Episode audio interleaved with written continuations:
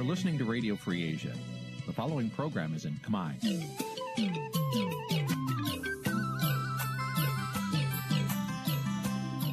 Nǐ chi càm bi tiệp xáy vệt chiu a zì sê ray នេះជាកម្មវិធីផ្សាយរបស់ Vithu Azisari ជាភាសាខ្មែរ វត្តឈូអាស៊ីសេរីសូមស្វាគមន៍លោកអ្នកនាងទាំងអស់ពីរដ្ឋធានី Washington នៃសហរដ្ឋអាមេរិក ផ្សាយផ្ទាល់ពីរដ្ឋធានី Washington នាងខ្ញុំខែសុណងសូមជម្រាបសួរលោកនាងកញ្ញាប្រិយមិត្តអ្នកស្ដាប់និងអ្នកទស្សនាការផ្សាយរបស់វិទ្យុអាស៊ីសេរីទាំងអស់ជាទីមេត្រីចា៎នាងខ្ញុំសូមជូនកម្មវិធីផ្សាយសម្រាប់យប់ថ្ងៃសុក្រ4កើតខែផុតត្បុតឆ្នាំឆ្លូវត្រីស័កពុទ្ធសករាជ2565ដែលត្រូវនឹងថ្ងៃទី10ខែកញ្ញាគ្រិស្តសករាជ2021ចា៎ជាដំបូងនេះសូមអញ្ជើញលោកនាងស្ដាប់ព័ត៌មានប្រចាំថ្ងៃដែលមានមេតិការដូចតទៅ thank you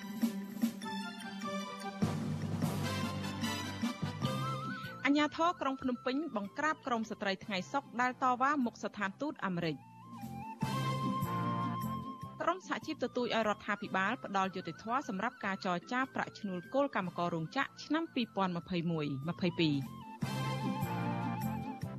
ចានៅក្នុងនីតិវេទិកាអ្នកស្ដាប់វត្តជូអាស៊ីសេរីនារាត្រីនេះយើងនឹងជជែកពិភាក្សាថាតើការទៀមទាដំឡើងប្រាក់ឈ្នួលគោលកម្មករផ្នែកវិញ្ញាភ័ណ្ឌកាត់ដេរនិងវិស័យស្បែកជើងក្នុងអំឡុងវិបត្តិ COVID-19 នឹងអាចទៅរួចដែរឬទេ ចារួមនឹងព័ត៌មានផ្សេងៗមួយចំនួនទៀត។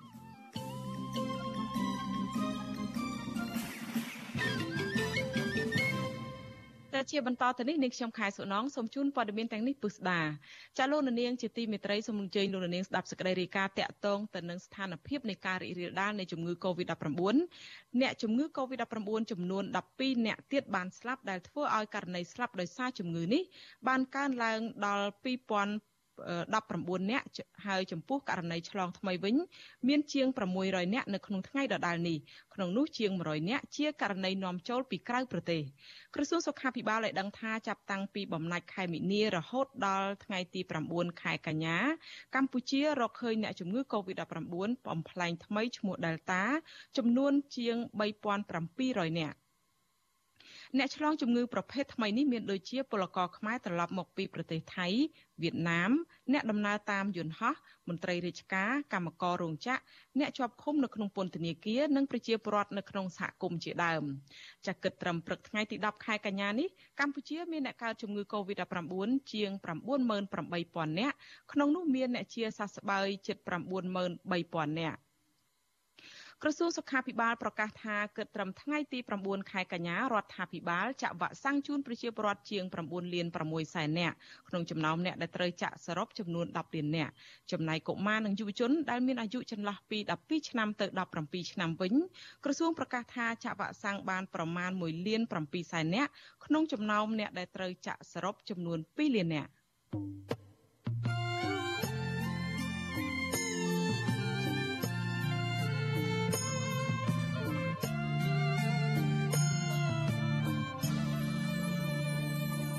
ចាលោកនាងកញ្ញាប្រិមនៈស្ដាប់ជាទីមេត្រីងាកមកការតវ៉ារបស់ក្រមស្ត្រីថ្ងៃសុកឯនេះវិញអាញាធររបបក្រុងភ្នំពេញបង្ក្រាបក្រមស្ត្រីថ្ងៃសុកដែលតវ៉ានឹងដាក់ញត្តិជូនទៅស្ថានទូតសហរដ្ឋអាមេរិកនៅព្រឹកថ្ងៃទី10ខែកញ្ញា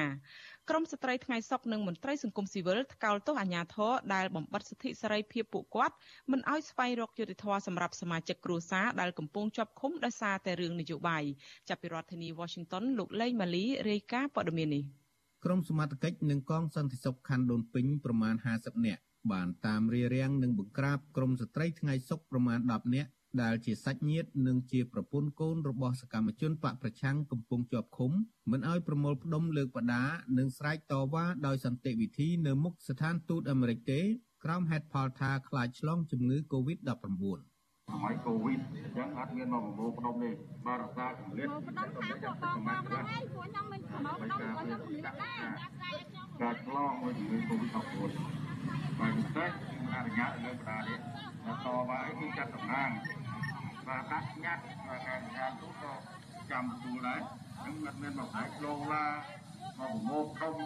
ទោះបីជាអាញាធរខណ្ឌដូនពេញប្រកាសតាមមេក្រូឲ្យអ្នកតវ៉ារក្សាកម្រិតក្តី ប៉ុន្តែក្រុមអាញាធរខ្លួនឯងបាននាំគ្នាឈរច្រងែងច្រងាងជាប់ជាប់គ្នានិងតាមឆាឆៅក្រុមស្ត្រីថ្ងៃសុកមិនឲ្យលើកបដាមិនឲ្យស្រែកតវ៉ានិងដណ្ដើមយកទូរស័ព្ទមិនឲ្យថតផ្សាយផ្ទាល់តាម Facebook ព្រមទាំងបាញ់អាកុលដាក់មុខស្ត្រីទាំងនោះទៀតផងក្រោយដណ្ដើមយកទូរស័ព្ទរួចក្រុមអាជ្ញាធរបានបង្ក្រាបស្ត្រីថ្ងៃសុកដោយរុញច្រាននិងចាប់អូស្ត្រីមួយចំនួនបណ្ដាលឲ្យពួកគាត់ដាច់រយះដៃចេញឈាមនិងមានស្នាមជាំលើរាងកាយជាច្រើនកន្លែង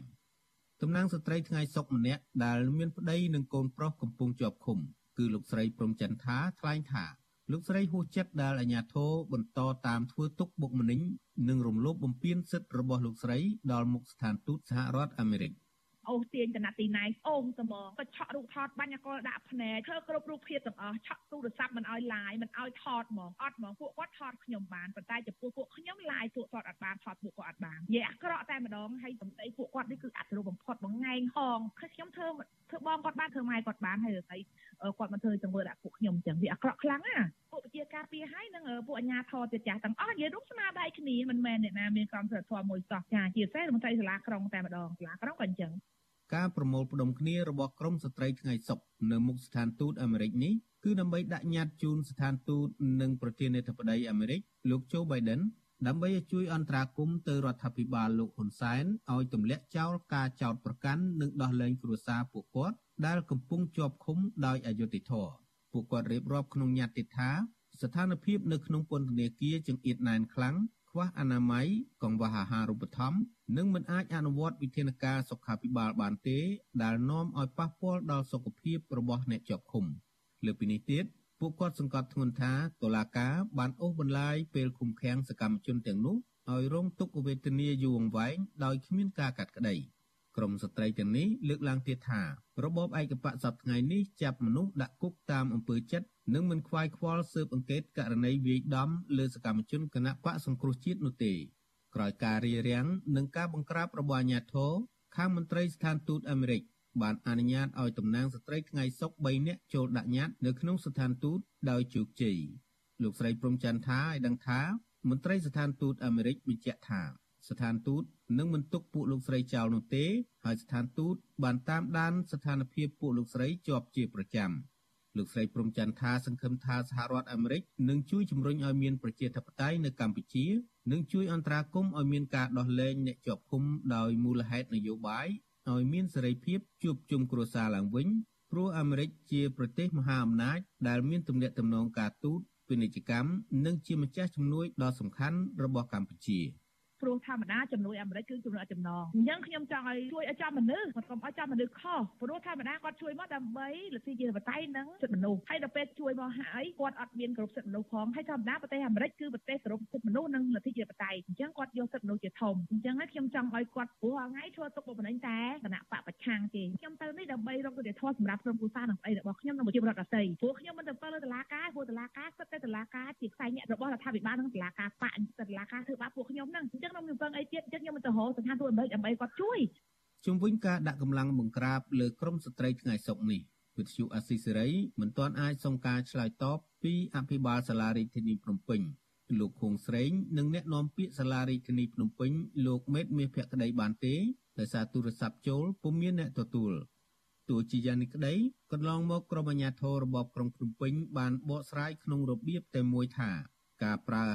ការប្រើហិង្សាបង្ក្រាបលើអ្នកតវ៉ាដោយសន្តិវិធីទាំងនោះគឺជាការអនុវត្តច្បាប់ដើម្បីរក្សាសន្តិភាពសាធារណៈទាក់ទងករណីនេះអ្នកនាំពាក្យសមាគមការពារសិទ្ធិមនុស្សអាត់ហុកលោកសង្សានករណាមានប្រសាសន៍ថាអាញាធរមានកាតព្វកិច្ចតាមផ្លូវច្បាប់ក្នុងការជួយសម្របសម្រួលឲ្យប្រជាពលរដ្ឋគ្រប់រូបអាចប្រើប្រាស់សិទ្ធិជួបជុំនិងដាក់ញត្តិតាមគោលបំណងរបស់ពួកគាត់មិនមែនទៅរារាំងពលរដ្ឋដូចនេះទេ ការដែលទៅបង្កលក្ខណៈរារាំងឬក៏រដ្ឋបិទមានហិង្សាមានអីទៅវិញទេដែលជាហេតុធ្វើឲ្យមានការប៉ះពាល់ទៅដល់សន្តិភាពសាធារណៈទៅវិញអញ្ចឹងចំណុចទាំងអស់នេះគួរគប្បីមានការពិនិត្យមើលនិងកែសម្រួលឡើងវិញដើម្បីធ្វើឲ្យលំហនៃសិទ្ធិសេរីភាពក្នុងការបច្ចេកទេសទាមទារតវ៉ាហ្នឹងមិនរងការរិះគន់ពីសហគមន៍ជាតិនិងអន្តរជាតិបាទក្រមស្ត្រីថ្ងៃសុកបានដាក់ញត្តិជូនស្ថានទូតអាមេរិកពីរលើករួចមកហើយ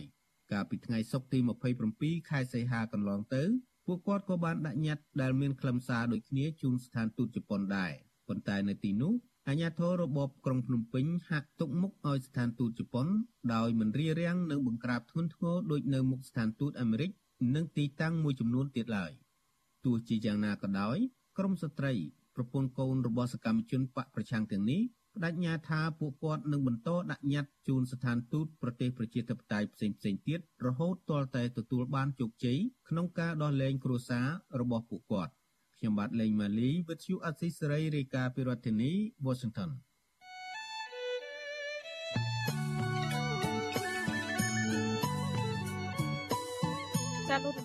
ប្រិយមិត្តអ្នកស្ដាប់ជាទីមេត្រីចាលោករនាងអាចស្ដាប់ការផ្សាយវិទ្យុអាស៊ីសេរីដំណើរគ្នាទៅនឹងការផ្សាយលើបណ្ដាញសង្គម Facebook និង YouTube តាមរយៈរលក ធាតុអាកាសខ្លីឬ Shortwave តាមកម្រិតនិងកម្ពស់ដូចតទៅនេះពេលព្រឹកចាប់ពីម៉ោង5កន្លះដល់ម៉ោង6កន្លះតាមរយៈរលកធាតុអាកាសខ្លី9940 kHz ស្មើនឹងកម្ពស់ 30m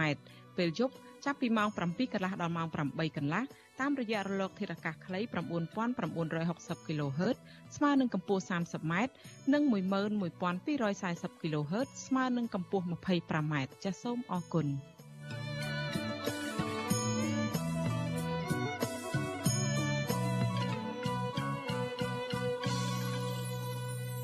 ចាលោករនាងកញ្ញាប្រិមនៈស្ដាប់ជាទីមេត្រីមេដឹកនាំសហជីពស្នើឲ្យក្រមប្រឹក្សាជាតិប្រាក់ឈ្នួលអបបរមា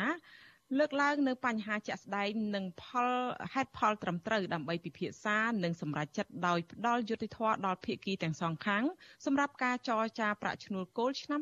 2022ខាងមុខនេះការលើកឡើងនេះគឺបន្ទាប់ពីមេដឹកនាំសហជីពសង្កេតឃើញថាការចរចាកំណត់ប្រាក់ឈ្នួលឆ្នាំចាស់ហាក់ គ្មានតលយៈភាពនិងលំអៀងទៅភាគីថៅកែដែលធ្វើឲ្យកម្មករបាត់បង់ផលប្រយោជន៍និងរងនៅអយុត្តិធម៌ចាប់ពីរដ្ឋធានី Washington សូមអញ្ជើញលោករនាងស្ដាប់សេចក្តីរាយការណ៍របស់អ្នកស្រីម៉ៅសុធីនីក្រមសហជីពបានត្រៀមខ្លួនរួចរាល់ហើយសម្រាប់កិច្ចប្រជុំក្រុមប្រឹក្សាជាតិប្រាក់ឈ្នួលអបបរមាជាមួយភាគីរដ្ឋាភិបាលនិងនយោជកចាប់ពីថ្ងៃទី14រហូតដល់ចុងខែកញ្ញាខាងមុខ ចាក្រមសហជីពថាតួលេខដែលបានថ្នើសុំដំឡើងជាង22ដុល្លារឬក៏ប្រាក់ខែគោលរបស់កម្មករឆ្នាំ2022ចំនួន214ដុល្លារក្នុងមួយខែនេះគឺធ្វើឡើងត្រឹមត្រូវតាមស្ថានភាពសេដ្ឋកិច្ចនិងសង្គមដោយមិនប៉ះពាល់នយោជកនោះឡើយ។ ជាប្រធានសម្ព័ន្ធសហជីពកម្ពុជាអ្នកត្រីយ៉ាងសុភ័ណ្ឌមានប្រសាសន៍ថាប្រាក់ឈ្នួលគោលកម្មករកន្លងទៅនោះមានតិចតួចมันអាចធានាឲ្យកម្មកររស់នៅសមរម្យនិងថ្លៃថ្នូរសមរម្យទៅតាមច្បាប់បានទេដោយសារតែរដ្ឋាភិបាលនិងនយោជកតែងតែច្រានចោលសំណើរបស់សហជីព អ្នកស្រីយល់ឃើញថាបញ្ហានេះបានធ្វើឲ្យកម្មករទទួលរងនៅអំពើអយុត្តិធម៌ជាបន្តបន្ទាប់ដោយសារតែការចរចាគ្មានតុល្យភាពទោះបីជាសហជីពលើកឡើងនៅបញ្ហាជាក់ស្ដែងនិងហេតុផលត្រឹមត្រូវក៏ដោយចាអ្នកស្រីរំពឹងថាការចរចាកំណត់ប្រាក់ឈ្នួលសម្រាប់វិស័យវិជ្ជាភ័ណ្ឌនិងផលិតស្បែកជើងខាងមុខនេះគឺភាគីទាំងអស់នឹងលើកយកបញ្ហាជាក់ស្ដែងនិងហេតុផលត្រឹមត្រូវដើម្បីមកពិភាក្សា។ ប្រាក់ឈ្នួលដែលកម្មករគាត់ទទួលបានសប្ថ្ងៃវាជាប្រាក់ឈ្នួលមួយដែលវាមិនឆ្លើយតបទៅនឹងតម្រូវការរបស់កម្មករហើយវាផ្ទុយទៅនឹងច្បាប់ទៀតកម្មករគាត់រស់នៅសប្ថ្ងៃហ្នឹងគឺគាត់ទទួលខុសត្រូវក្នុងបាទគ្រួសារមានមនុស្ស5នាក់ហើយ5នាក់ហ្នឹងមានមនុស្សតែ2នាក់កន្លះទេនៅក្នុងការរកចំណូលចូលក្នុងគ្រួសារហ្នឹងអញ្ចឹងត្រឡប់មកវិញថាមនុស្ស2នាក់កន្លះដែលរកចំណូលនៅក្នុងទឹកគប់គុំគ្រួសារហ្នឹងតើឲ្យគាត់រស់យ៉ាងម៉េច ជាមួយគ្នានេះប្រធានសម្ព័ន្ធសហជីពប្រជាធិបតេយ្យកម្មករកាដេកម្ពុជា លោកគង់អាទិត្យមានប្រសាសន៍ថាក្រមសហជីពបានសហការជាមួយវិជាស្ថានឯករាជ្យដើម្បីសិក្សាស្រាវជ្រាវនិងវិភាគរបាយការណ៍ហើយនឹងតួលេខតាមបែបបច្ចេកទេសដោយផ្អែកលើលក្ខខណ្ឌអតិផរណាទីផ្សារស្ថានភាពទីផ្សារនិងការប្រកួតប្រជែងជាដើមលោកក៏បានបញ្ជាក់ថាខាងសហជីពបានពិនិត្យមើលឃើញថាការបញ្ជាទិញ និងការនាំចេញមានការរអាក់រអួលបន្តិចប៉ុន្តែទំហំនៃការនាំចេញ គឺមិនប្រែប្រួលឬក៏ប៉ះពាល់ដល់នយោជកនោះឡើយចាទោះជាយ៉ាងនេះក្តីលោកគង់អតិតបារម្ភថាការចរចាកំណត់ប្រាក់ឈ្នួលគោលខាងមុខនេះរដ្ឋាភិបាលនិងភាគីនយោជកអាចនឹងមើលឃើញ តែបញ្ហារបស់ថៅកែហើយមើលរំលងបញ្ហារបស់កម្មករដូចជាការចរចាលើកមុនមុនដែរ សូមសំណូមពរទៅដល់ខាងគ្រប់ភាគីទាំងអស់ឲ្យមើលលក្ខណៈវិជាសាស្ត្រហ្នឹងឲ្យវាបានពោះហើយនឹងលក្ខណៈសង្គមដែលកម្មករគាត់កំពុងតែរងគ្រោះដោយករណីដែលខ្ញុំលើកឡើងកម្មករគឺជាអ្នករងគ្រោះដែរមិនមែនមានន័យថាដល់ពេលខ្លាយជា victim នយោជកជា victim ជាជនរងគ្រោះតែឯងហើយកម្មករអត់មានជនរងគ្រោះអញ្ចឹងមិនបាច់ឡើងឲ្យគាត់ប្រាក់ខែឲ្យគាត់ទៀតទេអញ្ចឹងទេមិនអាចទេអញ្ចឹងត្រូវតែធ្វើឲ្យមានការថ្លឹងថ្លែងឲ្យច្បាស់លាស់ទើបសេដ្ឋកិច្ចទើបកម្លាំងពលកម្មហ្នឹងមានប្រសិទ្ធភាពបាទ ចាក្នុងរបាយការណ៍ដាក់ទៅក្រមប្រឹក្សាជាតិប្រាក់ឈ្នួលអបបរមា កាលពីថ្ងៃទី7ខែកញ្ញាក្រមសហជីពឯករាជ្យបានស្នើសុំដំឡើងប្រាក់ឈ្នួលជាង22ដុល្លារសម្រាប់ឆ្នាំ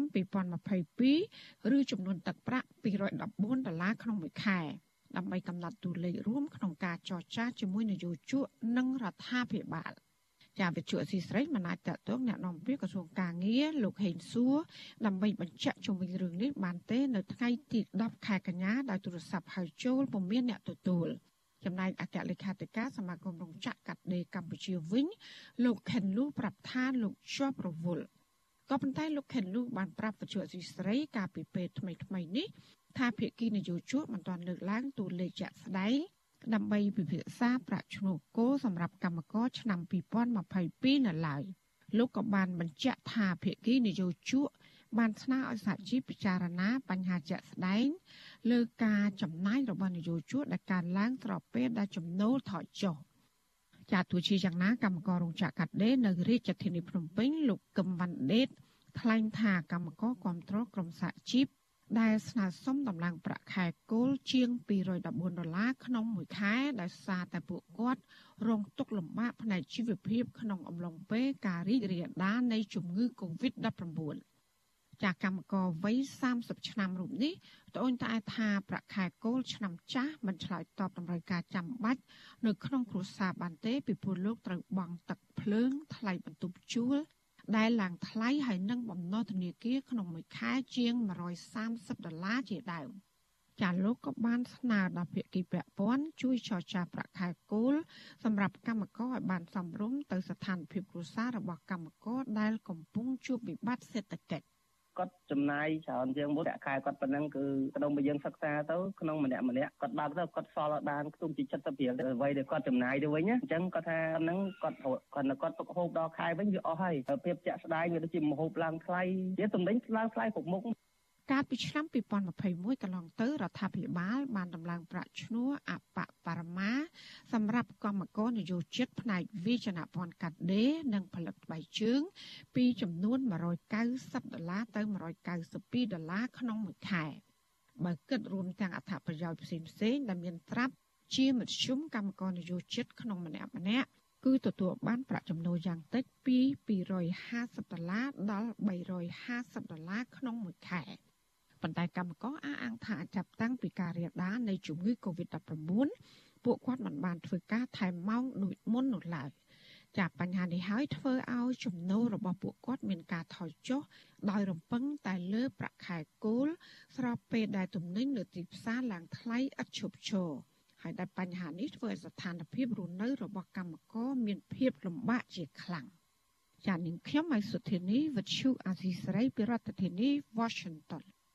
ចាលោកនាងកញ្ញាប្រិយមិត្តអ្នកស្ដាប់និងអ្នកទស្សនាការផ្សាយរបស់វិទ្យុអេស៊ីត្រីទាំងអស់ជាទីមេត្រីចាតកតងទៅនឹងការទៀមទាដំឡើងប្រាក់ឈ្នួលគោលកម្មករនេះដែរសហជីពនិងអ្នកធ្វើការលើកស្ទួយសិទ្ធិការងារយល់ឃើញថានៅក្នុងស្ថានភាពអំឡុងនៃវិបត្តិនៃការរីករាលដាលនៃជំងឺ Covid-19 នេះកម្មករផ្នែកវិញ្ញាភ័ណ្ឌកាត់ដេរនិងស្បែកជើងកំពុងតែប្រឈមនឹងបញ្ហាជីវភាពធ្លាក់ចុះទំនិញឡើងថ្លៃខ្ពស់ជំពាក់បំណុលធនាគារនិងឯកជនជាដើមព្រោះតែប្រាក់ឈ្នួលគោលកន្លងមកមិនទាន់គ្រប់គ្រាន់និងមិនអាចឲ្យពួកគាត់រស់នៅសមរម្យបាននៅឡើយតើខាងសហជីពឯករាជ្យទាមទារដំឡើងប្រាក់ឈ្នួលគោលសម្រាប់ឆ្នាំ2022នេះប៉ុន្មានក្នុងមួយខែដើម្បីឲ្យពួកគាត់អាចរស់នៅបានសមរម្យនោះចាសសូមលោកនាងរងចាំស្ដាប់នីតិវេទិកាអ្នកស្ដាប់ពទ្យុអាស៊ីសេរីជុំវិញបញ្ហានេះនៅពេលបន្តិចទៀត ចាស់ហើយប្រសិនជាលោកនាងមានជាសំណួរឬក៏មតិយោបល់ចង់សួរមកកាន់ភ្ញៀវរបស់យើងដល់ផ្ទាល់នោះលោកនាងអាចដាក់លេខទូរស័ព្ទរបស់លោកអ្នកនៅក្នុងប្រអប់សារ Messenger Facebook ឬក៏ខ្ទង់ comment Facebook YouTube របស់វិទ្យុអេស៊ីសេរីដែលកំពុងផ្សាយផ្ទាល់នេះហើយក្រុមការងាររបស់យើងនឹងហៅត្រឡប់ទៅលោកនាងវិញចាសសូមអរគុណ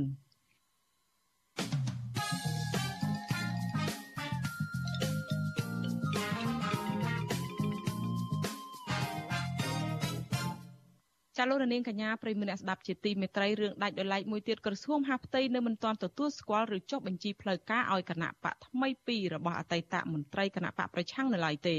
អ្នកវិភាគលើកឡើងថាក្រសួងហាផ្ទៃពេលនេះហាក់មានភាពម៉ត់ចត់ជាងមុនក្នុងការផ្ដល់សិទ្ធិឲ្យគណៈបកថ្មីដែលចេញពីមន្ត្រីគណៈបកប្រឆាំងចាប់ពីរដ្ឋធានី Washington លោកសេចបណ្ឌិតរាយការណ៍ព័ត៌មាននេះ គណៈបកបេះដូងជាតិរបស់អតីតមន្ត្រីគណៈបកសង្គ្រោះជាតិលោកសៀមភ្លុកបានដាក់ពាក្យស្នើសុំចុះបញ្ជីផ្លូវការជាងមួយខែទៅហើយរីឯគណៈបកកែតម្រង់កម្ពុជា របស់អតីតសមាជិកសភាគណៈបកប្រឆាំងលោកអ៊ូច័ន្ទរតក៏បានស្នើសុំជាច្រើនថ្ងៃមកហើយដែរប៉ុន្តែក្រសួងមហាផ្ទៃមិនទាន់ឆ្លើយតបនឹងសំណើទាំងនេះនៅឡើយទេគណៈបកទាំងពីរសុទ្ធតែត្រូវបានក្រសួងមហាផ្ទៃអះអាងថា មានកំហុសនិងខ្វះព័ត៌មានក្នុងការស្នើសុំលើកដំបូងនិងស្នើឲ្យផ្ដល់បន្ថែមព័ត៌មានទោះយ៉ាងណាគណៈបកទាំងពីរបានធ្វើតាមសំណើរបស់ក្រសួងមហាផ្ទៃរួចហើយគិតមកដល់ពេលនេះលោកអ៊ូចានរតឲ្យវិទ្យុអសីស្រីដឹងថាគណៈបកលោកបានដាក់ឯកសារស្នើសុំចុះបញ្ជីផ្លូវការទៅក្រសួងមហាផ្ទៃចំនួន2ដងមកហើយហើយលើកទី2បានស្នើសុំកាលពីចុងខែសីហាលោកថាមកទល់នឹងពេលនេះក្រសួងមហាផ្ទៃ មិនទាន់ឆ្លើយតបបែបណានៅឡើយទេលោកអ៊ូចាន់រតឲ្យដឹងទៀតថា តាមគោលការណ៍ក្រសួងមហាផ្ទៃមានរយៈពេល1ខែក្នុងការឆ្លើយតប មានប្រការមួយចំនួនដែលក្រសួងអតីយល់ថាវាផ្ទុយនឹងច្បាប់គណៈបកនយោបាយហើយយើងបានកែហើយហើយមានគោលនយោបាយកម្មវិធីនយោបាយមួយចំនួនដែលយើងដាក់នៅក្នុងបាយឡនៅក្នុងលក្ខន្តិកៈហ្នឹងយើងបានដកចេញដាក់ដាច់ដោយឡែកទៅតាមការស្នើតែងតាំង ជាផ្លូវការគណៈកម្មការបដោះសន្នដូច្នេះយើងបានកែនឹងគ្រប់គ្រាន់ហើយគ្រាន់តែចាំការឆ្លើយតបពីក្រសួងអបតីមកវិញស្រដៀងគ្នានេះដែរស្ថាបនិកគណៈបកបេះដូងជាតិលោកសៀមភ្លុកបានប្រាប់បទសុអសីសេរីថាគណៈបកលោកបានដាក់ពាក្យស្នើសុំលើកចុងក្រោយទៅក្រសួងមហាផ្ទៃកាលពីថ្ងៃទី26ខែសីហាប៉ុន្តែមកទល់នឹងពេលនេះមិនទាន់ទទួលបានការឆ្លើយតបនៅឡើយទេ គណៈបកបេះដូងជាតិបានដាក់ពាក្យបំពេញបែបបទនិងស្នាមមេដៃអ្នកគាំទ្រជាង4000នាក់ទៅក្រសួងមហាផ្ទៃកាលពីថ្ងៃទី15ខែកក្កដាជុំវិញបញ្ហានេះវិទ្យុអសីស្រីពុំទាន់អាចសុំការឆ្លើយបំភ្លឺពីអ្នកនាំពាក្យក្រសួងមហាផ្ទៃលោកខៀវសុភ័ក្រនិងអគ្គលេខាធិការរងក្រសួងមហាផ្ទៃលោកម៉ែនប៊ុនរិទ្ធបានទេ នៅថ្ងៃទី10ខែកញ្ញាទោះយ៉ាងណា អ្នកនាំពាក្យគណៈបកប្រជាជនកម្ពុជា លោកសុកអេសានធ្លាប់និយាយថា ក្រសួងមហាផ្ទៃត្រូវការពេលវេលាមួយសមរម្យដើម្បីពិនិត្យករណីនេះឲ្យបានច្បាស់មុនសម្រេចផ្ដល់នីតិសម្បទាឲ្យគណៈបកណាមួយជុំវិញរឿងនេះអ្នកវិភាគនយោបាយលោកបណ្ឌិតសេងសេរី សង្កេតឃើញថា រយៈពេលចុងក្រោយនេះក្រសួងមហាផ្ទៃមានការរឹតបន្តឹងក្នុងការផ្ដល់សិទ្ធិធ្វើនយោបាយនិងបង្កើតគណៈបកនយោបាយ លោកបន្តថាក្រសួងមហាផ្ទៃប្រើពេលវេលាយូរនិងពិនិត្យម៉ត់ចត់ទៅលើគណៈបកនយោបាយដែលមិនមែនកើតចេញពីការរៀបចំរបស់គណៈបកកាន់អំណាចចឹងណាវាជាបកថ្មីដែលប្រហែលជាគាត់មានការសង្ស័យច្រើនអញ្ចឹងគាត់អាចយកកតាបច្ចេកទេសហ្នឹងមកពន្យាពេលមកអីចឹងប៉ុន្តែខ្ញុំមើលទៅប្រហែលជាអាចមិនជាបញ្ហាធំដុំទេការរឹតបន្តឹងក្នុងការផ្ដល់សិទ្ធិនយោបាយ និងការបង្កើតគណៈបកនយោបាយរបស់អតីតមន្ត្រីគណៈបកប្រឆាំងនេះកើតមានឡើងបន្ទាប់ពីលោកនាយករដ្ឋមន្ត្រីហ៊ុនសែនប្រកាសកាលពីដើមខែសីហាថាលោកផ្ដល់សិទ្ធិនយោបាយឲ្យតែអ្នកណា ដែលលោកពេញចិត្តប៉ុណ្ណោះចំណែកអ្នកដែលលោកមិនពេញចិត្តលោកនឹងមិនផ្ដល់សិទ្ធិឲ្យពួកគេវិញនោះទេគិតមកដល់ពេលនេះមានគណៈបកនយោបាយជាង40កំពុងធ្វើសកម្មភាព និងត្រៀមចូលរួមការបោះឆ្នោតឆ្នាំ2022 និងឆ្នាំ2023ក្នុងនោះគណៈបកនយោបាយយ៉ាងតិចចំនួន6កើតចេញពីអតីតមន្ត្រីគណៈបកសង្គ្រោះជាតិលោកបណ្ឌិតសេងសេរីយល់ថាគណៈបកនយោបាយណាដែលជាទាយាទឬជាអ្នកស្នងមរតកគណៈបកសង្គ្រោះជាតិនឹងប្រឈមការធ្វើទុកបុកម្នេញពីរដ្ឋាភិបាលលោកហ៊ុនសែនខ្ញុំបាទសេកបណ្ឌិតវិទ្យុអាស៊ីសេរីពីរដ្ឋធានីវ៉ាស៊ីនតោន ចាលោកនាងកញ្ញាប្រិយមិត្តអ្នកស្ដាប់ជាទីមេត្រីអ្នកវិភាគមើលឃើញថាដំណើរទស្សនកិច្ចរបស់រដ្ឋមន្ត្រីការបរទេសចិនទៅកាន់ប្រទេសមួយចំនួនក្នុងអាស៊ាន ជាពិសេសកម្ពុជានោះគឺជាការពង្រឹងភូមិសាស្ត្រនយោបាយរបស់ខ្លួនដើម្បីទប់ទល់ឥទ្ធិពលរបស់សហរដ្ឋអាមេរិកខណៈកម្ពុជាក៏កំពុងតែពឹងផ្អែកលើចិនជាឆ្អឹងខ្នងសេដ្ឋកិច្ចដ៏សំខាន់របស់ខ្លួនដែរ ក្នុងដំណើរទស្សនកិច្ចរបស់រដ្ឋមន្ត្រីការបរទេសចិនលោកវ៉ាងយីទៅកម្កម្ពុជានោះនិងប្រទេសមួយចំនួនទៀតនេះគឺដើម្បីទាញយកផលចំណេញពីភូមិសាស្ត្រនយោបាយដូចម្តេចខ្លះចាសម្រាប់កម្ពុជាវិញតើត្រូវតែពឹងផ្អែកលើចិនតែមួយឬយ៉ាងណាចាសូមលោកនាងរងចាំទស្សនាកិច្ចសម្ភាសអំពីបញ្ហានេះរបស់លោកទីនសាការីយ៉ាជាមួយអ្នកវិភាគនយោបាយជំវិញបញ្ហានេះនៅបន្ទាប់ពីការផ្សាយរបស់នេតិវេទិកាអ្នកស្ដាប់ពទ្យុអាស៊ីសេរីនៅពេលបន្តិចទៀតនេះចាសូមអរគុណ ចាលោកនាងកញ្ញាប្រិមមអ្នកស្ដាប់ជាទីមេត្រីចាលោកនាងទៅតែបានស្ដាប់ព័ត៌មានប្រចាំថ្ងៃរបស់វិទ្យុអាស៊ីសេរីដែលរៀបចំជូនដល់នាងខ្ញុំខែសុណងចាសូមលោកនាងរងចាំស្ដាប់នីតិវេទិកាអ្នកស្ដាប់វិទ្យុអាស៊ីសេរីនៅពេលបន្តិចទៀតនេះ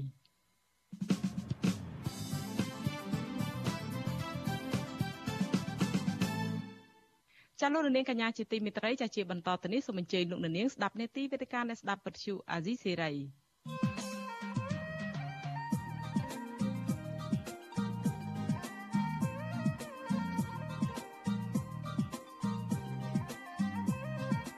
តិកាអ្នកស្ដាប់វិទ្យុអាស៊ីសេរី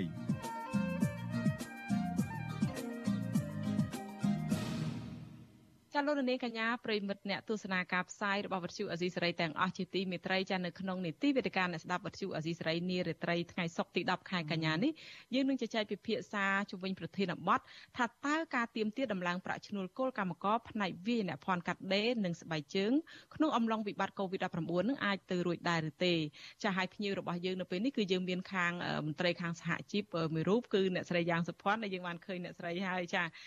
អ្នកស្រីជាប្រធានសហព័ន្ធសហជីពកម្ពុជាចាជំរាបសួរអ្នកស្រីយ៉ាងសុភ័ណ្ឌចាចាជំរាបសួរចាហើយយើងក៏មានខាងសង្គមស៊ីវិលផ្នែកសិទ្ធិការងារមួយរូបទៀតដែរប៉ុន្តែថ្ងៃនេះដោយសារតែលោកមានបេសកកម្មនៅខេត្តអញ្ចឹងគាត់ចូលជាមួយយើងតាមទូរស័ព្ទគឺជាមន្ត្រីគ្រប់គ្រងកម្មវិធីសិទ្ធិការងារនៃមជ្ឈមណ្ឌលសម្ព័ន្ធភាពការងារនិងសិទ្ធិមនុស្សហៅកាត់ថាសង្ត្រាល់គឺលោកខុនថារ៉ូចា ចាហើយលោកក្រុមការងាររបស់យើងនឹងហៅទៅលោកថារ៉ូបន្តិចទៀតដោយសារតែយើងកំពុងតែភ្ជាប់លោកតាមទូរស័ព្ទចាចាលោកនាងជាទីមេត្រីដោយលោកនាងបានដឹងហើយតកតងទៅនឹងការចរចាដំឡើងប្រាក់ឈ្នួលកម្មករនេះគឺថាការចរចាចុងក្រោយរបស់ ពីការទៀមទានឹងគឺថាក្រមប្រឹក្សាជាតិប្រាក់ឈ្នួលអបបរមានឹងបានបើកកិច្ចប្រជុំចុងក្រោយត្រឹមថ្ងៃទី7ខែកញ្ញាប៉ុន្តែនៅមានកិច្ចប្រជុំ3ដំណាក់កាលទៀតនៅមុនខែកញ្ញានេះមុនបញ្ចប់ ពិធីបុណ្យភ្ជុំបិណ្ឌហ្នឹងគឺថាគម្រោងហ្នឹងអាចជជែកពិភាក្សាផ្ដល់ប្រាក់ឈ្នួលគោលបន្ថែមហ្នឹងគឺឲ្យបានចាប់សពគ្រប់ចាស់ហើយតកតងទៅនឹងបញ្ហាហ្នឹងគឺថាខាងភៀកគីរដ្ឋាភិបាលសហជីពនិងនយោជកហ្នឹងបានលើកតាក់លហីករៀងរៀងខ្លួនបង្ហាញពីមតិបលនិងសំណូមពរដើម្បីលើកឡើងធ្វើការចរចាអំពីបញ្ហានេះចាស់ហើយនេះខ្ញុំសូមជម្រាបជូនលោកនាងបន្តិចចាស់មុននឹងជជែកដល់អ្នកស្រីយ៉ាងសុភ័ណ្ឌគឺថា តកតងទៅនឹងស្ថានភាពនេះគឺអំណះអំណាងនៃការទៀមទានឹងគឺថា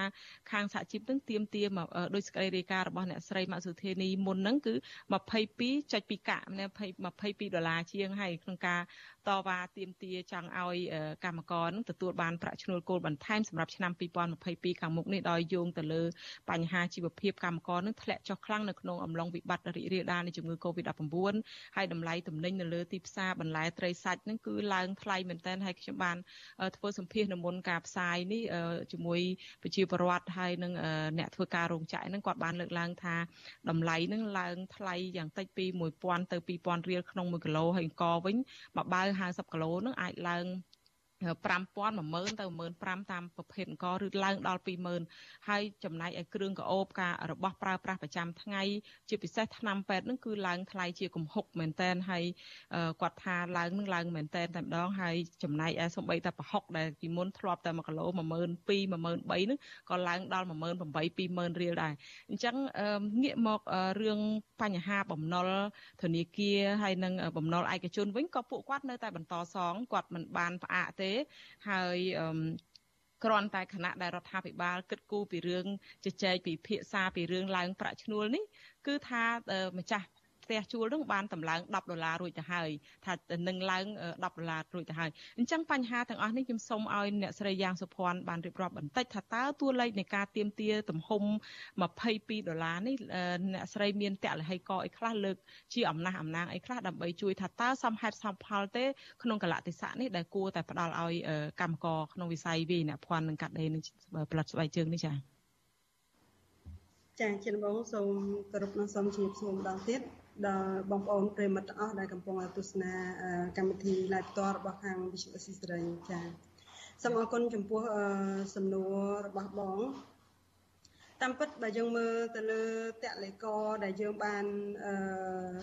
ដាក់ទៅទៅជ័យគ្នាពីរឿងប្រាក់ឈ្នួលអីហ្នឹងជាតលេកមួយដែលយើងបានទៅជ័យគ្នាជាច្រើនឆ្នាំមកហើយបន្ទាប់ពីការធ្វើកោតកម្មចុងឆ្នាំ2013 ដើមឆ្នាំ2014មកដល់ពេលនេះយើងយើងបានយកតលិក7 7លក្ខណៈវិនិច្ឆ័យទាំង7ដែលយកមកទៅជ័យគ្នាយើងឃើញថាលក្ខណៈវិនិច្ឆ័យទី1គឺពាក់ព័ន្ធមួយនឹងស្ថានភាពគ្រួសាររបស់បងប្អូនកម្មករយើងឃើញថាស្ថានភាពគ្រួសាររបស់បងប្អូនកម្មករយើងទទួលស្គាល់ថាមកដល់ពេលនេះគឺអឺ មានស្ថានភាពដដែលបានន័យថាបងប្អូនកម្មករហ្នឹងគឺមានអ្នកនៅក្នុងបន្ទុកគ្រួសាររបស់គាត់ហ្នឹងគឺ5 5 5.1អញ្ចឹងណាហើយអ្នកដែលរកចំណូលក្នុងចំណោម5មកគ្រួសារ5អ្នកចិត្តមួយហ្នឹងគឺអ្នករកចំណូលហ្នឹងគឺមាន2អ្នកកន្លះនៅក្នុងហ្នឹងណាចឹងបើថាមាន2អ្នកកន្លះទៀតគឺក៏អត់មានអត់មានបានរកចំណូលអីទេចឹងណាហើយមួយទៀតដែរគឺតាក់ទងនឹងស្ថានភាពអត្រាអតិផរណាទីផ្សារចឹងណា ចឹងអតិផរណាទីផ្សារនេះយើងឃើញថាយើងមើលទៅលើអត្រាតម្លៃតំណែងនៅលើទីផ្សារអញ្ចឹងដូចបងបានរៀបរាប់ក្នុងដើមមិញថាអត្រាតម្លៃតំណែងនៅលើទីផ្សារយើងឃើញថាមានការឡើងថ្លៃកំហុកហើយយើងឃើញថាសន្ទុះនៃការព្យាកររបស់រដ្ឋវិញយើងឃើញថាមានការឡើងរហូតដល់ឆ្នាំ2021គឺ ការព្យាករហ្នឹងគឺរហូតដល់3%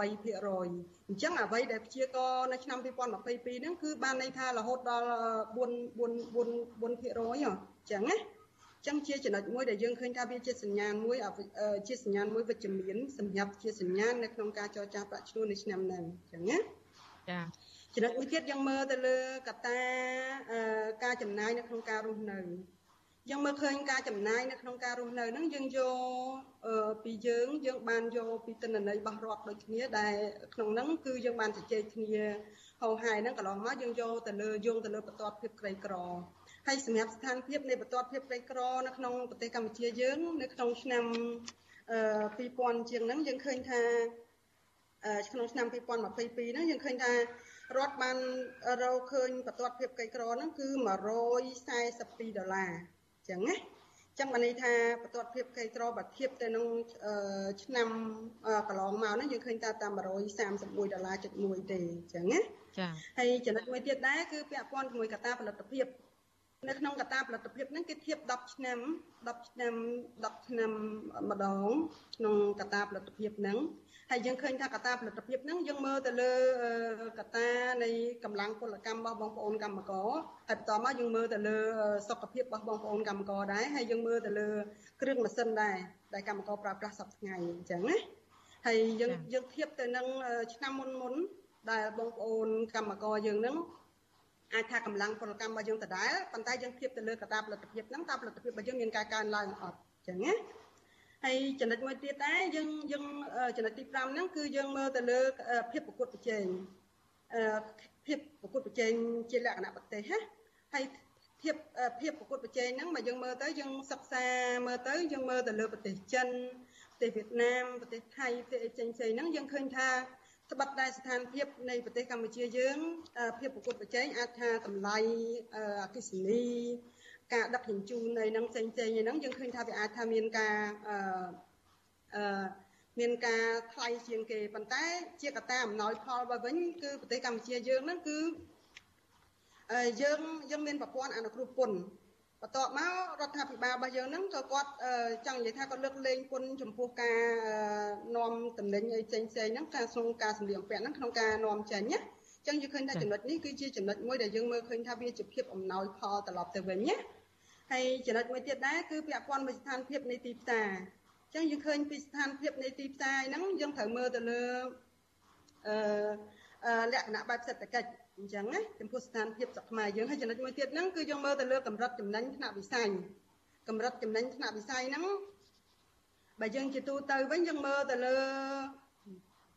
ការចំណាយទៅលើការតម្លៃថ្លៃថ្លៃតម្លៃបន្ថែមណាអញ្ចឹង តកតងនៅចំណុចហ្នឹងជាចំណុចដែលខ្ញុំបានលើកឡើងទាំងប្រមាណទាំង7នេះគឺជាលក្ខណៈវិនិច្ឆ័យដែលយើងព្រមទទួលស្គាល់ទាំងភាគីសហជីពទាំងពីភាគីនយោជកនៅក្នុងតលិកក្នុងការដែលយើងយកមកទៅជែកគ្នាហើយចំណុចទាំង7ដែលខ្ញុំបានលើកឡើងទាំងប្រមាណហ្នឹងគឺបើយើងស្ដាប់ តាមការសិក្សាស្រាវជ្រាវរបស់ខាង CPS របស់លោកគ្រូច័ន្ទសុផលហ្នឹងយើងឃើញថាវាជាសញ្ញាណមួយវិជ្ជមានសម្រាប់ឆ្នាំ2020ហ្នឹង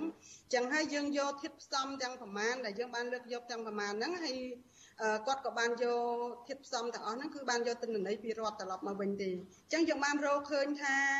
ដោយពាក់ព័ន្ធមួយកត្តានៅក្នុងការរស់នៅយើងឃើញថាអត់មានការប្រែប្រួលទេស្ថានភាពនៃគ្រួសាររបស់គាត់ចឹងយើងយកយើងយើងដាក់ដដែល ចឹងបានន័យថាក្នុងហ្នឹងយើងយក192របស់យើងដែលយើងបានដែលយើងទទួលបានប្រាក់ឈ្នួលនៅឆ្នាំមុនហ្នឹងអញ្ចឹងណាហើយបន្ទាប់មកយើងធៀបទៅក្នុងការចំណាយក្នុងការរស់នៅអតិបរណាទីផ្សារកត្តាផលិតភាពភាពគួតប្រជែងរបស់ប្រទេសទីផ្សារការងារភាពចំណេញថាវិស័យនឹងផ្សេងផ្សេងហ្នឹងយើងរកឃើញក្នុងហ្នឹងគឺមាន តម្លៃហ្នឹងគឺស្មើនឹង11% 11%.6 អញ្ចឹងវាស្មើនឹងទឹកលុយដែលបងលើកឡើងមិញចំនួន22ដុល្លារចុច2អញ្ចឹងណាអញ្ចឹងយើងយកមកគុណនឹងចំនួនប្រាក់ឈ្នួលរបស់យើងដែល192ហ្នឹងយើងឃើញថាប្រាក់ឈ្នួលដែលឡើងជូនបងប្អូនកម្មករនៅក្នុងឆ្នាំ2022ហ្នឹងគឺ214ដុល្លារចិត្ត2ហ្នឹងឯងអញ្ចឹងណា ចាសូមអរគុណចាអរគុណច្រើនអ្នកស្រីយ៉ាងសុខដែលអ្នកស្រីរៀបរាប់ក្បោះក្បាយអំពីតលហេកនៅការស្វែងរកនៅទិន្នទិន្នន័យហើយនឹងអំណះអំណាងថាគួរតែផ្ដល់ឲ្យកម្មករនៅក្នុងការទៀមទាដំឡើង22.2ដុល្លារនេះឥឡូវនេះដោយសារយើងដឹងថាលោកខុនថារ៉ូចូលហើយជំរាបសួរលោកខុនថារ៉ូចាបាទជំរាបសួរស្ដាប់ខ្ញុំឮច្បាស់ទេ ចាឮច្បាស់អរគុណច្រើនលោកចាលោកថារ៉ូកំពុងតែធ្វើដំណើរនៅតាមផ្លូវប៉ុន្តែលោកបានឆ្លៀតចូលរួមជាមួយយើងអរគុណចាលោកថារ៉ូប្រហែលជាលោកបានស្ដាប់ឮហើយអ្វីដែលអ្នកស្រីយ៉ាងសុភ័ណ្ឌបានរៀបរាប់នៅអំណះអំណាងមួយចំនួនមុននេះចង់ងាកទៅលោកថារ៉ូវិញនឹងតកតងទៅនឹងទស្សនវិជ្ជាច្បាប់សិទ្ធិការងារហើយនឹងបូកបញ្ចូលជាមួយនឹងស្ថានភាពជាក់ស្ដែងរបស់ក្រុមកម្មករនៅក្នុងអំឡុងពេលវិបត្តិនៃការរីករាលដាលជំងឺ Covid-19 នេះតើលោកថារ៉ូយល់ថាពួកគាត់នឹងគួរតែទទួលបាន គួរតែត្រូវបានទទួលបានការដំឡើងប្រាក់ឈ្នួលត្រឹមអ្វីដែលខាងសហជីពនឹងកំពុងតែធ្វើការតស៊ូមតិទាមទារនឹងទេចា៎បាទបើយើងនិយាយអំពីយុទ្ធធរក្នុងចិត្តដែលគាត់គួរបានផ្អែកទៅតាមអឺសិទ្ធិការងារហើយនឹងការដែលគាត់ទទួលបាននោះវាគួរតែគាត់ទទួលបានជាង10ឆ្នាំមុននោះ បើសិនជាយើងផ្អែកទៅលើលក្ខណៈវិនិច្ឆ័យផ្នែកសេដ្ឋកិច្ចតែតម្លៃដោយសារការសិក្សាស្រាវជ្រាវការទៀមទានិងតលហេកលក្ខណៈវិនិច្ឆ័យបែបសេដ្ឋកិច្ចហ្នឹងយើងបាន2017នេះបាទអញ្ចឹងបើសិនតាមពី inflation 5%ជាង10ឆ្នាំមុនកម្មករនិយោជិតគាត់គួរតែបានប្រាក់ឈ្នួលមួយដែលខ្ពស់ជាងនេះខ្ពស់ជាងនេះមានន័យថាម៉េចខ្ញុំគ្រាន់តែគុណតែ inflation rate តែ5% 10ឆ្នាំពីក្រោយមកនោះយើងយកតួលេខហ្នឹងមកគុណយើងដឹងហើយតើតើកម្មករនិយោជិតហ្នឹងគាត់ទទួលបាននៅប្រាក់ឈ្នួលប្រមាណអាហ្នឹងអាហ្នឹងជាចំណុចទី1រឿងដែលសំខាន់នោះលក្ខណៈវិនិច្ឆ័យផ្នែកសេដ្ឋកិច្ចវាជាកត្តាមួយវាជារឿងមួយដែលប្រសើរហើយកន្លងមកនេះយើងឃើញថាសហជីពគាត់បានធ្វើការសិក្សាស្រាវជ្រាវ ការវិហ័យសេដ្ឋកិច្ចការប្រកួតប្រជែងទាំងល្អឯជារឿងធំត្រូវហើយតែរឿងដែលសំខាន់បំផុតនោះគឺយើងចង់ដឹងអំពីរបស់នយោជកបាទរបស់តកែនិយាយចំទៅគឺរយៈពេលឆ្នាំគណៈពេលដាក់កនយោជិតគាត់មិនទាន់ទទួលបាននៅការរស់នៅសមរម្យនៅឡើយជាពិសេសហ្នឹងគឺប្រាក់ឈ្នួល អបបរមារបស់គាត់ហ្នឹងមិនបានធានាទៅដល់ជីវភាពរស់នៅឬក៏សេចក្តីត្រូវការក្នុងនាមជាមនុស្សមានន័យថាក្នុងនាមជាមនុស្សតែគាត់គួរតែទទួលបាននៅប្រាក់ឈ្នួលដែលធានាថាគាត់អាចមានសេចក្តីថ្លៃថ្នូរនៅក្នុងការធានានៅសេចក្តីត្រូវការចាំបាច់របស់គាត់អញ្ចឹងចំណុចថងនេះមានន័យថាម៉េចមានន័យថាកណាយើងនិយាយអំពីកត្តាសង្គមយើងនិយាយថាតើតើប្រាក់ឈ្នួលនឹងអាចធានាទេថាគាត់អាចរស់នៅ ដោយសេចក្តីថ្លៃថ្នូរទាំងការចំណាយរស់នៅជាមូលដ្ឋាន ទាំងការចំណាយទៅលើអាហារ3ពេលទាំងការហូបចុកទាំងការស្នាក់នៅទាំងការចំណាយទៅលើការសិក្សារៀនសូត្រអប់រំសម្រាប់ក្រុមគ្រួសារសមាជិកនៅក្នុងបន្ទុកឪពុកម្ដាយចាស់ជរាដែលគាត់អឺមិនមានការងារធ្វើហើយត្រូវជាបន្ទុករបស់កម្មករនយោជិតម្នាក់ដែលគាត់ត្រូវអឺធានាទៅនឹងការចំណាយជាមូលដ្ឋានរបស់សមាជិកក្រុមគ្រួសារយ៉ាងហោចថា 2ទៅ3នាក់នៅក្នុងក្រុមគ្រួសារអានេះគឺជាអឺគឺជាសេចក្តីត្រូវការចាំបាច់ជាក់ស្ដែងសម្រាប់សង្គមមួយហើយបើសិនជាយើងនិយាយអំពីកត្តាសេដ្ឋកិច្ចនោះទៀតសោតយើងអាចពិនិត្យតែ នៅក្នុងលក្ខណៈវិនិច្ឆ័យតែមួយទេ ទី1យើងអាចនិយាយបានថានយោជកគាត់ចំណេញលុយវ៉ាល់លានដុល្លារឥឡូវយើងគិតមើលនៅក្នុងរយៈពេលជាង10ឆ្នាំមកនេះគឺគាត់ តាំងពីគាត់ចាប់ផ្ដើមពីការជួលអគារជួលដីរហូតទៅដល់នយោជកគាត់មានលទ្ធភាពនៅក្នុងការទិញដីនៅក្នុងការធ្វើអគារដោយខ្លួនឯងអញ្ចឹងយើងអាចនិយាយបានថាយ៉ាងម៉េចយើងអាចនិយាយបានថានយោជកហ្នឹងគាត់ចំណេញវ៉លលានដុល្លារមានន័យថាគាត់ធ្វើការវិនិយោគនៅក្នុងវិស័យមួយហ្នឹងគឺគាត់បានមានមានផលចំណេញហ្នឹងច្រើនណាហើយខ្ញុំគិតថាសំខាន់បំផុតសហជីពប្រហែលជាយើងខកខាននៅចំណុចមួយ ឬក៏រាជរដ្ឋាភិបាលហ្នឹងខកខាននៅក្នុងការធ្វើការសិក្សាស្រាវជ្រាវទៅលើការចំណេញរបស់នយោជកតម្លៃយើងដឹងហើយថាការចំណេញរបស់នយោជកកាលណាគេវិនិយោគគេចង់បានផលចំណេញប៉ុន្តែផលចំណេញនោះវាគួរតែមានការបែងចែកទៅដល់កម្មករនយោជិតនៅក្នុងរយៈពេលជាង10ឆ្នាំមកនេះហើយបើសិនជាយើងគិតអំពីតំណែងនៃការនាំចេញទៅទីផ្សារសហរដ្ឋអាមេរិកអឺ នៅក្នុងរយៈពេល6ខែចុងក្រោយនេះយើងឃើញថាតួលេខមានការកើនឡើង មានការកើនឡើងរហូតទៅដល់ជាង36%នៃការនាំចេញនៅក្នុងរយៈពេល6ខែចុងក្រោយអានេះនៅក្នុងមុខតំណែងទូទៅប៉ុន្តែបើសិនជាយើងនិយាយអំពីប្រាក់ឈ្នួលអបបរមាគឺវាក្រូតបន្តទៅដល់វិស័យមួយចាំបាច់គឺវិស័យក្រៅពីវិស័យវិជ្ជាភ័ណ្ឌកាត់ដេរដេរស្បែកជើងគឺវាមានវិស័យមួយទៀតដែលក្របបណ្ដប់គឺផលិតផលធ្វើដំណើរអញ្ចឹងបើសិនជាយើងមើលអំពីស្ថិតិនៃការនាំចេញទៅទីផ្សារសហរដ្ឋអាមេរិកមានន័យថាម៉េចមានន័យថាកើនឡើងអញ្ចឹងបើសិនជាយើងមើលនៅក្នុងកម្រិតវិស័យមួយជាក់លាក់ប្រាក់ឈ្នួលអបបរមានេះគឺនយោជកគាត់មានលទ្ធភាពនៅក្នុងការតម្លើងឲ្យប៉ុន្តែលក្ខណៈវិនិច្ឆ័យផ្នែកសេដ្ឋកិច្ចនៅពេលបច្ចុប្បន្ននោះវាមិនឆ្លុះបញ្ចាំងទេហើយយើងមិនអាចធ្វើការប្រៀបធៀបកន្លងមកហ្នឹងគឺខាងនយោជកធ្វើការប្រៀបធៀបប្រាក់ឈ្នួល អបបរមាទៅបណ្ដាប្រទេសមួយចំនួនដូចជាវៀតណាមដូចជាប្រទេសមីមីយ៉ាន់ម៉ា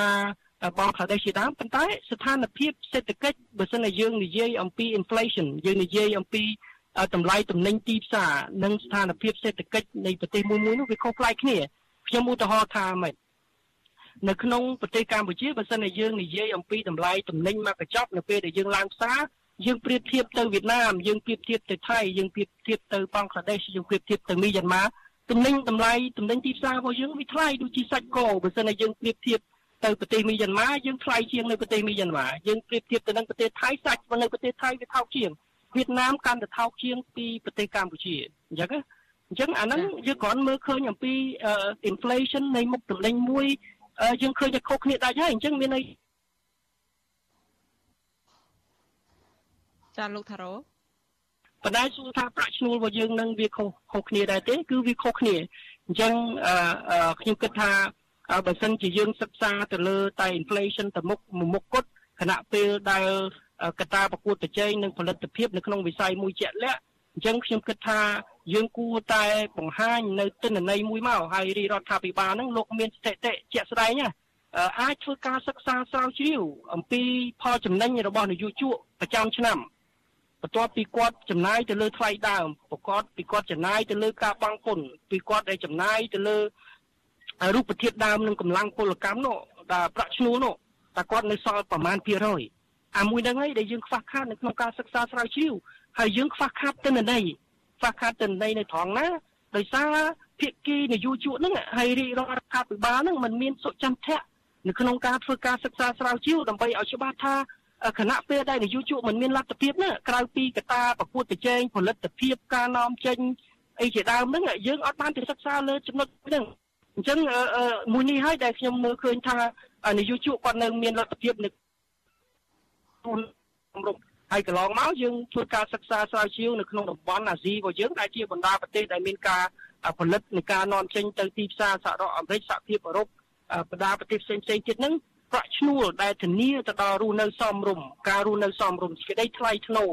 សម្រាប់កម្មករនិយោជិតដែលគាត់មានសមាជិកចាប់ពី2នាក់ឡើងទៅហ្នឹងប្រាក់ឈ្នួលដែលគាត់ត្រូវបានគឺយ៉ាងហោចណាស់ក៏គាត់ត្រូវទទួលបាន588ដុល្លារហើយបើសិនជាយើងគាត់ចែកទៅ2នាក់មានន័យថាយ៉ាងហោចណាស់ក៏គាត់បាន290ដុល្លារជាងដែរចា៎ ប៉ុន្តែជាទូទៅនៅពេលនេះយើងគិតមើលទៅបើសិនជាគាត់បានជាទូទៅអំឡុងអាចថា250ទៅ300ដុល្លារចាខុសច្រើនខុសគ្នាច្រើនចាតែលោកថា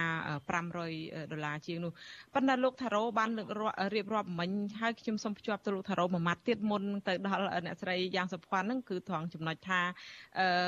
លោកខិនលូដែលជាតំណាងជាខាងសមាគមរោងចក្រកាត់ដេរហ្នឹងគាត់បានលើកឡើងដែរគាត់ថាឥឡូវក្នុងដំណាក់កាលជាក់ស្ដែងនេះគឺថាខាងរោងចក្រនឹងចំណាយខ្ពស់ចំណាយច្រើនទៅលើគាត់ឃើញថានយោជកនឹងចំណាយច្រើននឹងទៅលើការទិញម៉ាស់ទិញអាកុលហើយធ្វើតេស្តអីកូវីដនឹងដោយសារតែឥឡូវនឹងរីករាលដាលជំងឺនឹងច្រើននឹងក៏ត្រូវការធ្វើតេស្តអីអានឹងគឺចំណាយរបស់គាត់ច្រើនហើយចំណូលបែរជាថយចុះទៅវិញតើចំណុចនេះលោកយល់ថាអាចជាកត្តាគួបផ្សំឲ្យគាត់ព្រួយបារម្ភនៅក្នុងការតម្លើងដល់កម្មករទេឬក៏លោកនៅយល់ថាវានៅតែអាចមានលទ្ធភាពអាចជួយដល់កម្មករតម្លើងឲ្យកម្មករបានចា៎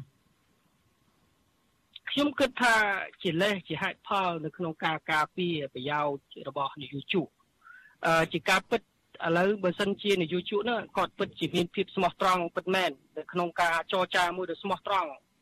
ដោយសុចន្ទៈឥឡូវបង្ហាញមកបង្ហាញថានយោជកនឹងគាត់ខាត់បងប្រមាណនៅក្នុងកំឡុងពេលនៃវិបត្តិកូវីដនេះខណៈពេលដែលការនាំចេញនៅតែតែយើងបានប៉ះពាល់ទៅនឹង 20%នៃការនាំចេញទៅសហភាពអឺរ៉ុបតាមរយៈការកាត់20%នោះក៏ដោយតែទីផ្សារនៅសហភាពអឺរ៉ុបនៅតែនាំចេញទៅធម្មតាគ្រាន់តែថាយើង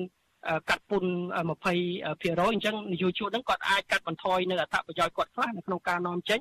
តែទីផ្សារសហរដ្ឋអាមេរិកនៅតែមានការកើនឡើងអញ្ចឹងគាត់បង្ហាញទិន្នន័យនឹងមកថាតើនៅក្នុងវិបត្តិកូវីដហ្នឹងថាតើគាត់ ខាត់បងប្រមាណខណៈពេលដែលរាជរដ្ឋាភិបាលមានគោលនយោបាយនៅក្នុងការគាំពៀខ្លះកំឡុងពេលដែលមាននៅវិបត្តិកូវីដនៅក្នុងឆ្នាំ2020កម្មវិធីនៅក្នុងការឧបត្ថម្ភកម្មវិធីសាច់ប្រាក់អញ្ចឹងបង្ហាញបង្ហាញទិន្នន័យហ្នឹងមកហើយខ្ញុំគិតថាមិនបាច់ចាំពិបាកនៅក្នុងធ្វើការសិក្សាស្រាវជ្រាវទេឥឡូវយើងយកសមាជិកជីម៉ាក់600រោងចក្រហ្នឹងមកហើយយើងសិក្សាទៅនឹងរោងចក្រធំធំប្រហែលរោងចក្រ20 30រោងចក្រឬក៏រោងចក្រ អឺមធ្យមប្រហែល10រោងចក្រឬក៏5 10រោងចក្រមកហើយយើងធ្វើការគុនគូទូទាត់មកទៅតាមទំហំនៃកម្លាំងពលកម្មរោងចក្រធំប្រមាណប៉ុណ្ណអ្នកហ្នឹងនៅពេលដែលគាត់ចំណាយថ្លៃដើមរូបធាតុដើមកម្លាំងពលកម្មបងពុនជូនរដ្ឋអីជាដើមហ្នឹងតើតើគាត់នៅចំណេញប្រមាណភាគរយយើងដកគុណមកអញ្ចឹងយើងមិនអាចនិយាយបានថាគាត់គ្មានលទ្ធភាពទេអញ្ចឹងយើងនិយាយថាអីចោះនយោជកហ្នឹងគាត់មកវិនិយោគហ្នឹងគាត់វិចខ្ចប់លុយរាប់លានដុល្លារហ្នឹងដើម្បីជាផលចំណេញដែលគាត់ធ្វើ ការវិនិយោគរយៈពេល1ឆ្នាំគាត់វិចលុយរបស់គាត់រាប់រយលានដុល្លារទៅវិញនឹងខណៈពេលដែលគាត់និយាយថាគាត់គ្មានលទ្ធភាពនៅក្នុងការតម្លើងប្រាក់ឈ្នួលទៅដល់កម្មករនយោជិតអាហ្នឹងខ្ញុំគិតថាវាជាចេតនាមួយមិនល្អទេនៅក្នុងការទទួលខុសត្រូវទំនួលខុសត្រូវសង្គមមួយហើយអញ្ចឹងយើងយើងបង្ហាញពីទិន្នន័យនឹងមកឬក៏យើងអាចបង្ហាញបើសិនតែយើងគិតថាយើងអត់អត់ចំណេញអញ្ចឹងយើងយើងបង្ហាញតួលេខនៃការបញ្ជាទិញនៅក្នុងរយៈពេល មួយឆ្នាំមកតើតើកម្រិតនៃការបញ្ជាទិញនឹងមានការធ្លាក់ចុះប្រមាណភាគរយតម្លៃ rate នៅក្នុងការទិញនៅក្នុងការការការចំណេញឬក្នុងការដេនៅសម្លៀកបំពាក់មួយ one piece rate នោះអញ្ចឹងបើសិនតែយើងចំណាយតែ1ដុល្លារសំទោសតែ50សេនណាការសិក្សាស្រាវជ្រាវរបស់យើងបានបង្ហាញច្បាស់ជាលក្ខណៈសកលបើសិនជាក្រុមហ៊ុនអ្នកបញ្ជាទិញគាត់ចំណាយតែ50សេននៅក្នុងមុខទំនិញតែមួយមានន័យថាកៅអៅមួយ ឬក៏ខោមួយឬក៏ផលិតផលទំនិញមួយដើម្បីយកមកតម្កល់ឬក៏ផ្ដល់ឲ្យកម្មករនយោជិត មានន័យថានយោជកគាត់មានលទ្ធភាពនៅក្នុងការដំឡើងប្រាក់ឈ្នួលរស់នៅសមរម្យសម្រាប់កម្មករនិយោជិតអញ្ចឹងដែលខ្ញុំនិយាយថាបើសិនជាយើងយក588នឹងចែកជា2ប្រហែលជា280ដុល្លារទៅ300ហ្នឹងគាត់មានលទ្ធភាពនៅក្នុងការតម្លើងប៉ុន្តែសំខាន់គឺត្រង់ថាឆន្ទៈរបស់នយោជកហ្នឹងគឺมันមានឆន្ទៈនៅក្នុងការបង្ហាញទិន្នន័យហ្នឹង ឥឡូវគាត់បង្ហាញទិន្នន័យហ្នឹងមកហើយបើសិនជាបង្ហាញថានយោជកពិតជាខាតមែនអាហ្នឹងប្រហែលជាយើងជាសហជីពជាកម្មករយោជិតមិនបាច់ចាំទៀមទាដល់កម្រិតហ្នឹងទេពីព្រោះថាទៀមទាអីព្រោះគាត់អត់មានលទ្ធភាពអញ្ចឹងមែនទេអញ្ចឹងបើសិនជាយើងឃើញថាតួលេខនៃរោងចក្របើកថ្មីហើយនឹងការវិនិយោគហើយនឹង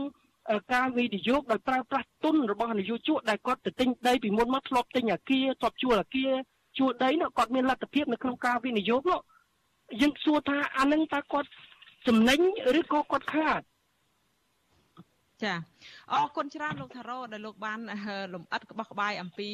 ថាតើខាងភៀកគីក្រុមហ៊ុននឹងចំណេញឬខាតបើសិនជាតឡើងឲ្យកម្មករប៉ុណ្ណឹងឥឡូវសូមងាកទៅអ្នកស្រីយ៉ាងសុភ័ណ្ឌវិញចាហើយតកតងនឹងបញ្ហានេះដែរឃើញថាលោកខេនលូដែលជាខាងតំណាងខាងសមាគមគាត់ខាងសមាគមរោងចក្រកាត់ដេរនឹងតំណាងឲ្យខាងនយោជកនឹងក៏បានលើកឡើងដែរថាអឺរឿងការដែលទៀមទានឹងគឺថាអត់មានប្រទេសណាក្រៅពីស្រុកខ្មែរយើងនឹងទេដែលនៅទៀមទាដំឡើងប្រាក់ឈ្នួលនឹងហើយការការតម្លើងនឹងគាត់ចង់និយាយថាប្រទេសជិតខាងនឹងនៅឆ្នាំក្រោយនឹងក៏គេអត់មានឡើងអីដែរហើយគេផ្អាកការចរចាដែរតែមានតែនៅស្រុកខ្មែរយើងទេដែលនៅរក្សាការចរចាអញ្ចឹងតើវាពិតមែនទេអ្នកស្រីយ៉ាងសុភ័ណ្ឌទេហេតុអីយើងនៅតែទៀមទាចរចាតម្លើងប្រាក់ខែចាចាសូមអរគុណតាមពិតបើយើងមើលទៅលើប្រទេសនៅក្នុងតំបន់អាស៊ានទាំងអស់យើងឃើញថាมันมันมันប្រកាសដូចអ្វីដែលជាការលើកឡើងរបស់គាត់ទេ ពីព្រោះយើងក៏បានទទួលព័ត៌មានពីបងប្អូនសហជីពរបស់យើងមួយចំនួនដែលនៅប្រទេសជិតខាងរបស់យើងហ្នឹងយើងឃើញថា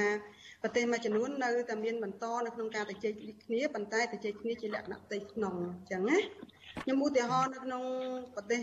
វៀតណាមនៅពេលកន្លងមកហ្នឹងយើងឃើញថាប្រទេសវៀតណាមអត់មានការទៅជែកគ្នាទេបើយើងតាមរយៈដែលយើងបានទទួលព័ត៌មានពីឆ្នាំមុនប៉ុន្តែនៅពេលដែលយើងបានទៅជែកគ្នារឿងប្រាក់ឈ្នួលហើយយើងឃើញថាប្រទេសគេមានការតម្លើងប្រាក់ឈ្នួលឃើញអត់ អញ្ចឹងខ្ញុំគិតថាគ្រាន់តែវាជារឿងមុននឹងក្រោយទេ